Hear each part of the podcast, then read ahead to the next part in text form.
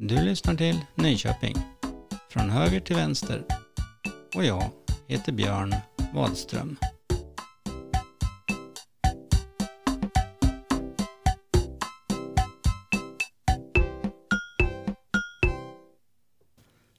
Oh, hej igen.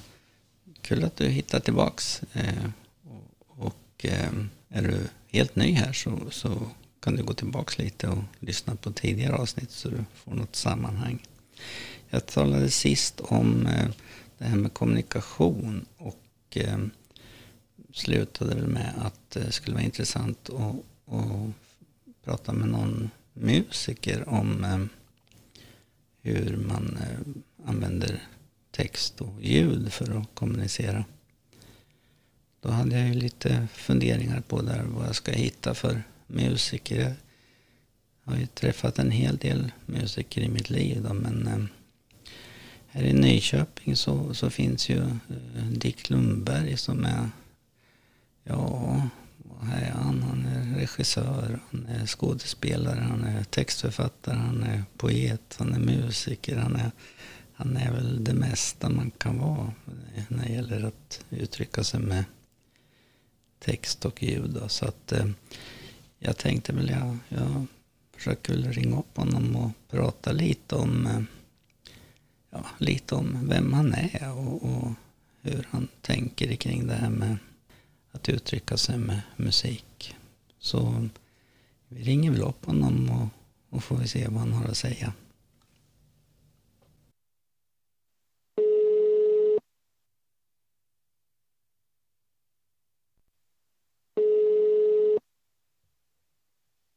Ja, god morgon. God morgon. Ehm, jaha, kul att du ville vara med i den här podden. Men om vi börjar så här. Ehm, om du skulle säga ungefär, beskriva dig själv då, för de som inte vet vem du är. Hur skulle du säga? Nej, jag brukar ju säga att jag, att jag sysslar med att och berätta grejer liksom. Mm. Sådär. Eh, det är väl, och det är väl det som är eh, min drivkraft genom allt det här att, att jag vill berätta saker, jag vill berätta stories. Vill, eh, ja. Mm. Och då mynnar det ut i alla de här teater och poesi och musikprojekten då.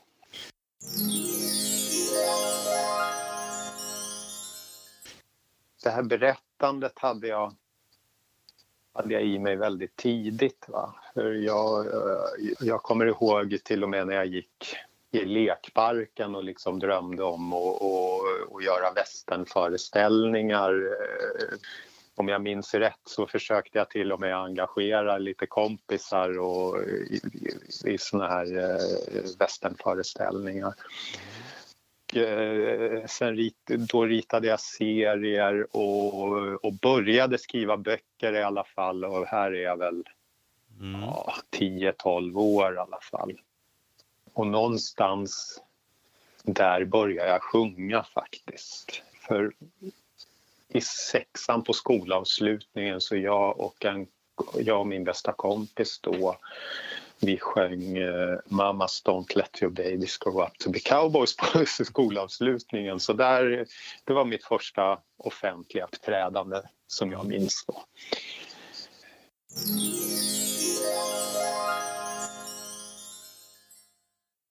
Var kom det där västernstuket ifrån då? Jag är ju, eh, eh jag är ju lite autist Eh, personlighet. Mitt specialintresse när jag växte upp det var vilda västern. eh, väldigt mycket. Så att därför jag lyssnade på countrymusik. Jag hade små cowboygubbar jag lekte med och byggde upp cowboystäder och eh, jag gick på ridskola för jag ville eh, lära mig rida som cowboysarna gjorde.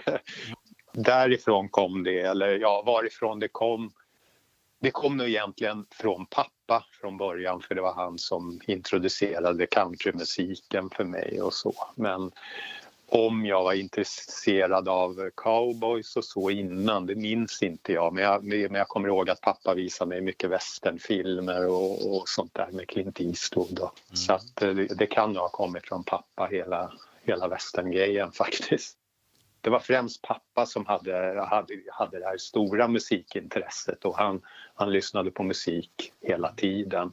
Jag bodde med min mamma och där, och där fanns det också musik fast inte lika inte lika tydligt sådär utan det var mer, det var mer pappa som var sådär och spelade in kassetter till mig och såg till att jag hade bandspelare och sådana där grejer. Men det var i Finspångstrakten någonstans som du, som du växte upp? Eller? Mm. Jag, jag är född i Stockholm, bodde där i åtta år. Sen så eh, packade vi ihop och eh, flyttade till Lotorp utanför Finspång. Så, eh, så jag brukar säga, jag, jag, jag skötte egentligen ja men det hörs inte, säger mm. folk. Och då säger jag, ja men jag, första åren bodde jag i Stockholm och, och det var där jag lärde mig prata då. Va? Så att mm. den tog jag aldrig upp, dialekten där. Mm. Så här, eh, sen så, men du gick i skolan också?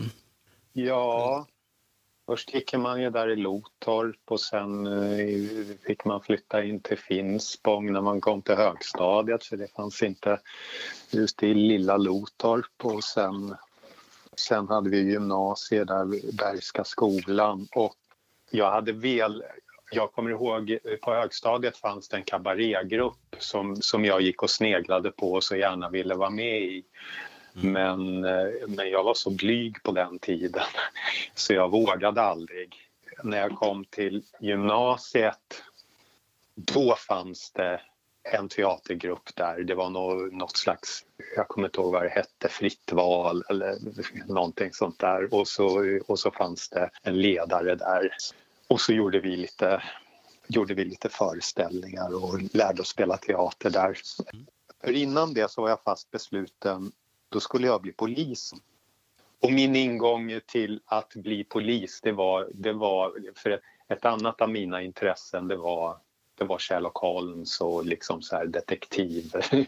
detektivgrejen. Va? Så att jag ville ju, det jag såg framför mig det var ju att jag ville vara med och lösa spännande fall. Liksom. Mm. Det, det, var ju lite så. Men i alla fall, tack vare den här gruppen på gymnasiet så la jag ner de här polisplanerna helt och hållet och nu skulle jag bli skådespelare istället.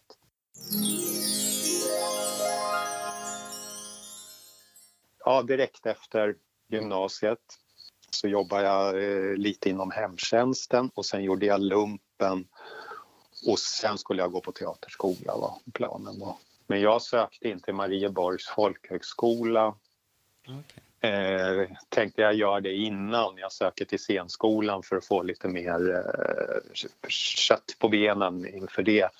Så där gick jag ett år då, skådespelarlinje eh, samtidigt som jag eh, gjorde en eh, jävla massa teater eh, hemma i Finspång så jag pendlade in till jag bodde aldrig på skolan utan jag pendlade in och sen hade jag teaterrepetitioner hemma i Finspång på kvällarna och sådär. Då spelade jag ju teater dygnet runt ett helt år liksom. Det året var väl det som eh, jag brukar säga förändrade hela mitt liv. Så från att jag hade varit lite blyg och tyst, kände mig lite utanför och så. Från det så kom jag in till Marieborgs folkhögskola och känner någon, eh, känner någon slags samhörighet och att jag, att jag hör hemma i ett sammanhang. Då, va? Mm. Efter det fick jag ett självförtroende på ett annat sätt och blev jag. religion också? Men det var långt senare, det var efter tv-programmet här. Religionsvetare kallar du det? Nu har inte jag varit och redigerat min Twitter på, på jäkligt länge. Det grundar sig i att jag har läst fyra år religionsvetenskap och vad är man då? Då kan man väl få kalla sig religionsvetare. Ja, ja, ja, Men varför, var, var kom intresset av religion ifrån? Det var mer så jag tänkte. Ja, men det, och, det, och det har också med min uppväxt att göra. Jag kom ju då, när jag var åtta år så kom jag till Lotorp och så kom jag i, i, fick, jag min, fick jag min första kompis där när jag var åtta och han, han gick på någonting som hette Nying mm. eh, som var något för, förstadie till scouterna i Lotorp och det drevs av Missionskyrkan. Så redan när jag var åtta år kom jag i kontakt med Missionskyrkan och jag kom att kom och liksom hänga kvar där ända fram till 20-årsåldern så, så att jag hade mycket eh, fast förankrad i Missionskyrkan och eh, även Svenska kyrkan så att jag hela tiden haft, haft någon, någon sån här, något lite troende i botten liksom. Ett tag efter baren så gick jag ner i depression och då ville jag återvända till Alltså på något vis så blev det naturligt för mig. Ja, men då, då söker jag Gud igen. och eh, jag är ju så i och med att jag är som sagt lite autistpersonlighet så har jag svårt att göra, göra saker lite halvdant. Så att då, då tänkte jag, då vände jag mig till Gud ordentligt och så skulle jag bli präst. var planen. Så därav sökte jag den utbildningen och läste också sådana ämnen som behövs om man ska bli präst. Så jag läste Gamla testamentet läste jag språkligt så att jag lärde mig, jag lärde mig att tolka bibelhebreiska. Mm. Till exempel. Och det, och det är sånt, ska man bli präst så måste man kunna åtminstone ett av språken. Det vanligaste var väl att man valde grekiska då för att kunna läsa Nya testamentet på originalspråk. Men jag ska ju alltid, det har alltid varit lite rebell. Nej.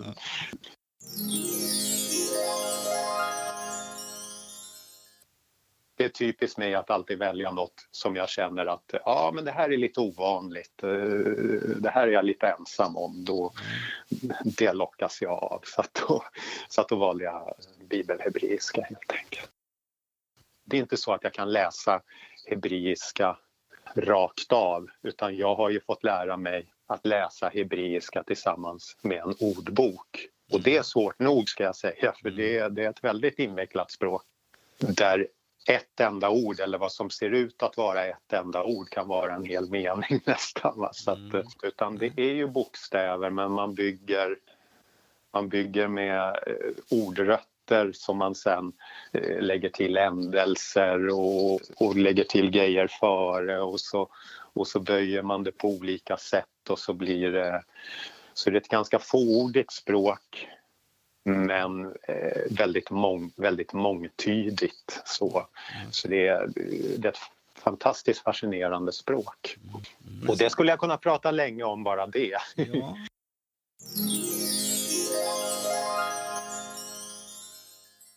Jag tänkte på att film har du hållit på, eller du pratar mycket om det när man läser om det på, lite på Facebook och sådär, att du liksom är film, filmgalen, eller hur du ska kalla det. Alltså det här med inte bara de här västern utan filmer överhuvudtaget som verkar du vara väldigt intresserad av. Alltså bild, bildspråket eller, eller är det berättelsen i filmen eller vad är det som, som fångar det där? Jo men precis, film är ju närbesläktat med, med teater för mig och det är ju lite på, på samma plan. Jag, jag har gjort filmer och så också. Och så tycker jag det är lite roligt med för redigeringsarbete för film det, det, ser ut ungefär som när man, eh, när man redigerar musik och sånt tycker jag är ganska roligt.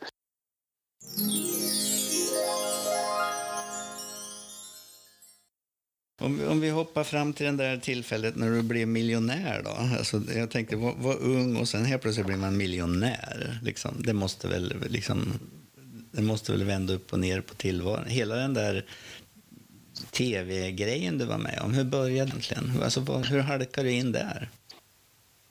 Jag, ja, jag fastnar ju som sagt i grejer sådär och börjar jag titta på en tv-kanal så tittar jag nästan bara på den tv-kanalen. Och då var det TV3 så jag hade alltid TV3 på. Och jag tittade på allt som TV3 sände och det var Pappa Ingals i Lilla huset på prärien och det var eh, Våra bästa år. Och sen så sände de på, på kvällarna så sände de ett program som hette Baren för det hade gått en säsong innan.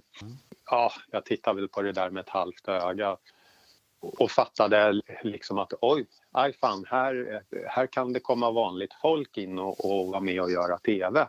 Och det tyckte jag verkade kul. Så sen när, när de körde reklamen sådär, så sök nu till baren säsong två. Då, eh, då skickade jag in brev där, helt enkelt. Eh, riktigt säljbrev där jag, okay. där jag förklarar för dem att det här var ju en... Det här var ju deras enda, enda chans att få, att få med en Lundberg med i tv. Liksom. Det fick de ju inte missa, tyckte jag. I alla fall eh, så ringde de upp ganska snabbt efter jag hade skickat in det där och sen, sen var jag inne på provfilmningar och intervjuer och så där och sen till slut så till slut så var eh, liksom inspelningarna igång så.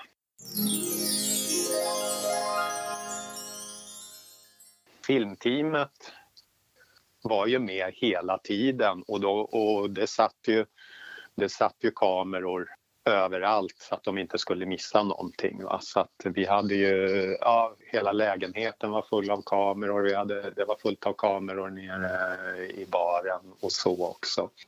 Men sen kunde det ju vara såna här, ja, för att de skulle få ett snyggt program då, ja, ibland kom man in genom dörren i baren så kanske kamerateamet inte var med. Ja, kan ni bara ta det där, ta det där igen för, för att de skulle få snygga bilder liksom på när vi kom in eller någonting sånt där. Så sånt kunde det ju vara. Men annars så var det ju, de, de filmade ju det som hände så att säga. Och, ja, så det gällde att vara snabbt framme liksom så där med kamerateamet. Jag tror de hade två kamerateam som, eh, som liksom ja, försökte hänga med. Mm.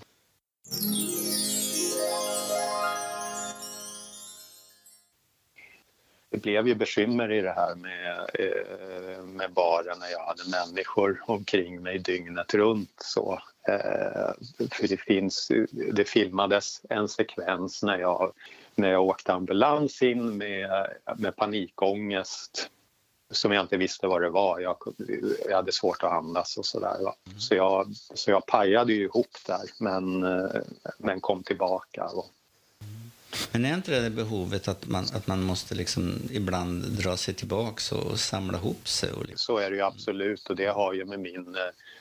Eh, det har ju med den här autismgrejen att göra också att jag, jag blir utmattad om jag har människor omkring mig för länge. Va?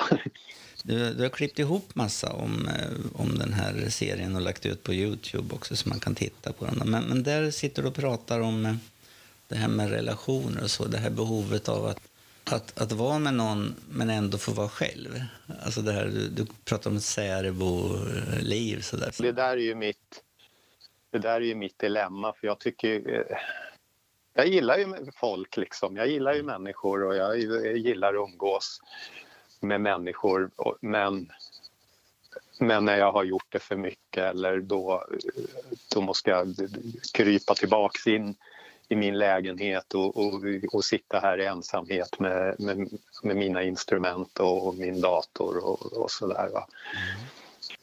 Och ibland försöker jag, försöker jag trotsa det där och så tänker jag nej nu, nu jävlar, nu, nu ska jag vara social och så ska jag umgås och så ska jag åka iväg och göra sån här, så, ja, som baren till exempel som också var en, eh, var en enorm utmaning för mig. Eh.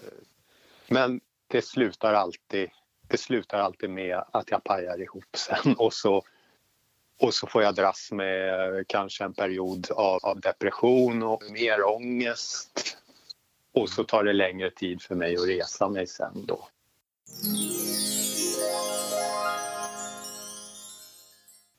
Alltså jag har blivit bättre på att hantera det där och jag har blivit bättre på att balansera det. Jag jobbar halvtid till exempel. Eh, och det har visat sig vara ganska bra balans för mig för att då, då orkar jag ha lite socialt liv också och jag får mycket ensamtid och eh, så jag har hittat en, hittat en bra balans i det helt enkelt.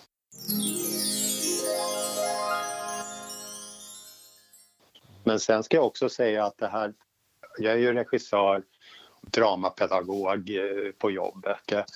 Men det är ju, det är ju en roll jag känner mig väldigt bekväm i också för att jag har gjort det så mycket och då är det, då är det, jag, då är det jag som leder och styr på ett annat sätt. Då. Så då behöver inte jag vara social på det här osäkra sättet. I en situation där jag måste småprata med någon eller sådär, då känner jag mig mer, mer osäker än om, om jag står inför teatergruppen och, och förklarar ja, idag ska vi göra det här och det här för det har jag koll på.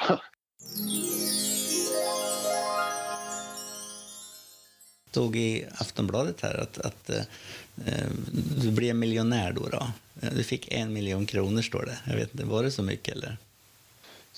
Ja, det var ju en miljon kronor och sen skulle Skatteverket ha sitt och det, och det lägger jag ingen värdering i för jag tycker någonstans att skatt är bra grejer. Sådär. Mm. Så, att, men, eh, så jag fick väl i alla fall nästan en halv miljon. Mm. Du sa någonting att du skulle, du skulle satsa på eh, skrivandet och ny gitarr och så nämnde du lite om att din son också skulle få en slant och sådär. Det var ungefär vad du skulle använda de där pengarna till, stod det. Eh, hur gick det då? Vad... Jo, alltså jag försökte få igång min, min musikkarriär där. Det gick inte eh, riktigt som tåget. Sådär. Mm. Så, eh, så, jag stötte väl på en del hinder och sen så gick jag ner i depression och en halv miljon om man inte har någon inkomst, det, det går åt rätt fort ändå. Va? Mm. Jag hann köpa ny dator och, ny, och nya grejer till studion så jag, så jag köpte ju ja, till, till exempel sångmikrofonen som jag fortfarande sjunger i köpte jag då. hade jag aldrig haft råd med annars. Eh, och sen eh, det sista jag köpte var min lägenhet i Nyköping.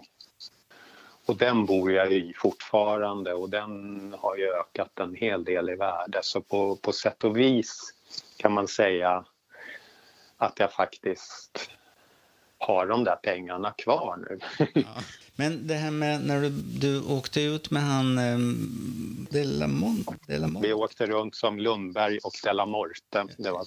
Ja, så gjorde ni lite inspelningar och sådär och lite turnéer och sådär. Därifrån kommer nog en av mina favoritlåtar som du har gjort faktiskt. Den här med uh, jag vill vara en dildo eller vad den heter. Eller något sånt. Den är glad och den säger mycket om tillvaron. Den, den är lite, sticker ut lite mot andra du gör också. Det där var ju en plojlåt jag gjorde. Och den gjorde jag några år tidigare på, eh, på turné. Så vi satt, en, vi satt i en buss och jag bara satt och lajade med, med gitarren och sen, och sen bara säger någon, eh, bara taget ur luften. Ah, spela, spela den här låten, vill vara som en dildo. Eh, och, och det var något han bara hittade på då. Liksom. Eh, och jag bara, ah, här kommer låten, mm. vill vara som en dildo. Och så spelade jag och som jag minns det, det jag spelade då var ganska det var nästan exakt som sången blev sen. Jag bara drog upp det. Jag, jag, hittade på en vers i taget och bara spelade liksom. Och sen, och sen skrev jag ner det efteråt. Och den låten av någon anledning använde jag i uttagningarna. Eh, så att den var med i uttagningarna till baren. Så att okay. den var med i den här reklamfilmen som gick på tv när jag spelade och så här, jag vill vara som en dildo. Så mm. det blev, en, blev en, en grej. Så när vi skulle göra plattan var vi tvungna att ha med den här som en dildo. Eh, och jag var väl då lite så här, nej men fan ska vi inte ta, ska vi inte ta och stryka den egentligen? Men, eh, mm. Där åkte jag väl på lite mothugg där. Nej, fan, klart, klart vi ska ha med den. Liksom. Sen har du gjort om den och gjort den bara hemma i, i sovrummet. För att av alla skivor jag har gjort så Lundberg och Della Morte-plattan äger inte jag. Va? Utan det är ju, det är ju skivbolaget Birdnest Records så att jag kan inte den plattan kan inte jag publicera hur, hur, hur som helst utan det är ju, det är ju Birdnest Records som måste göra. Eh, och av någon anledning eh, finns inte den på Spotify vad jag vet, den mm. plattan och det tycker jag är lite synd. Så därför har jag, eh, därför har jag gjort såna här eh, ja, akustiska spelningar mm. för, för folk som vill höra låtarna. Liksom. Mm. Så ändå. Men då blir det ju då blir det ju inte Lundberg och De la Morte-inspelningen.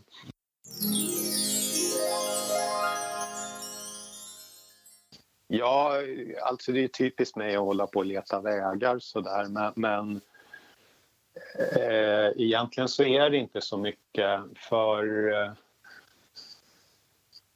eh, 2000 där, då låg jag på Birdnest Records mm. och, och släppte tre plattor.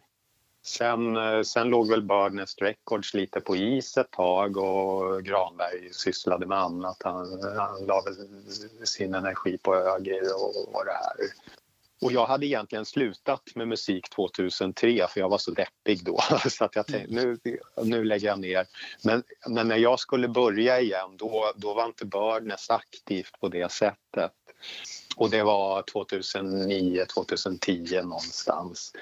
Så då, så då startade jag ett eget skivbolag mm.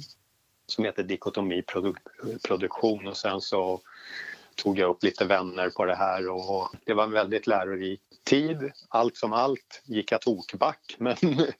det spelar ingen roll för eh, jävlar vilka fina plattor vi gjorde. Och det la jag ner officiellt 2016 sen. Och sen har jag fortsatt ge ut eh, plattor privat. Eh, ja, jag har väl säkert skrivit dikotomi, produktion sådär även om det inte finns något, finns något företag längre. Och eh, jag har fortsatt att posta eh, grejer på Spotify och sånt. Sen eh, någonstans om det var förra året eller året före det då hittade jag det här CRS Record som är ett, eh, som är ett bolag som drivs av en snubbe i Falun. Mm. Och jag gillar ju det här med jag gillar små sammanhang och sådär så, och, och, att det blir lite så här polarstämning. Mm.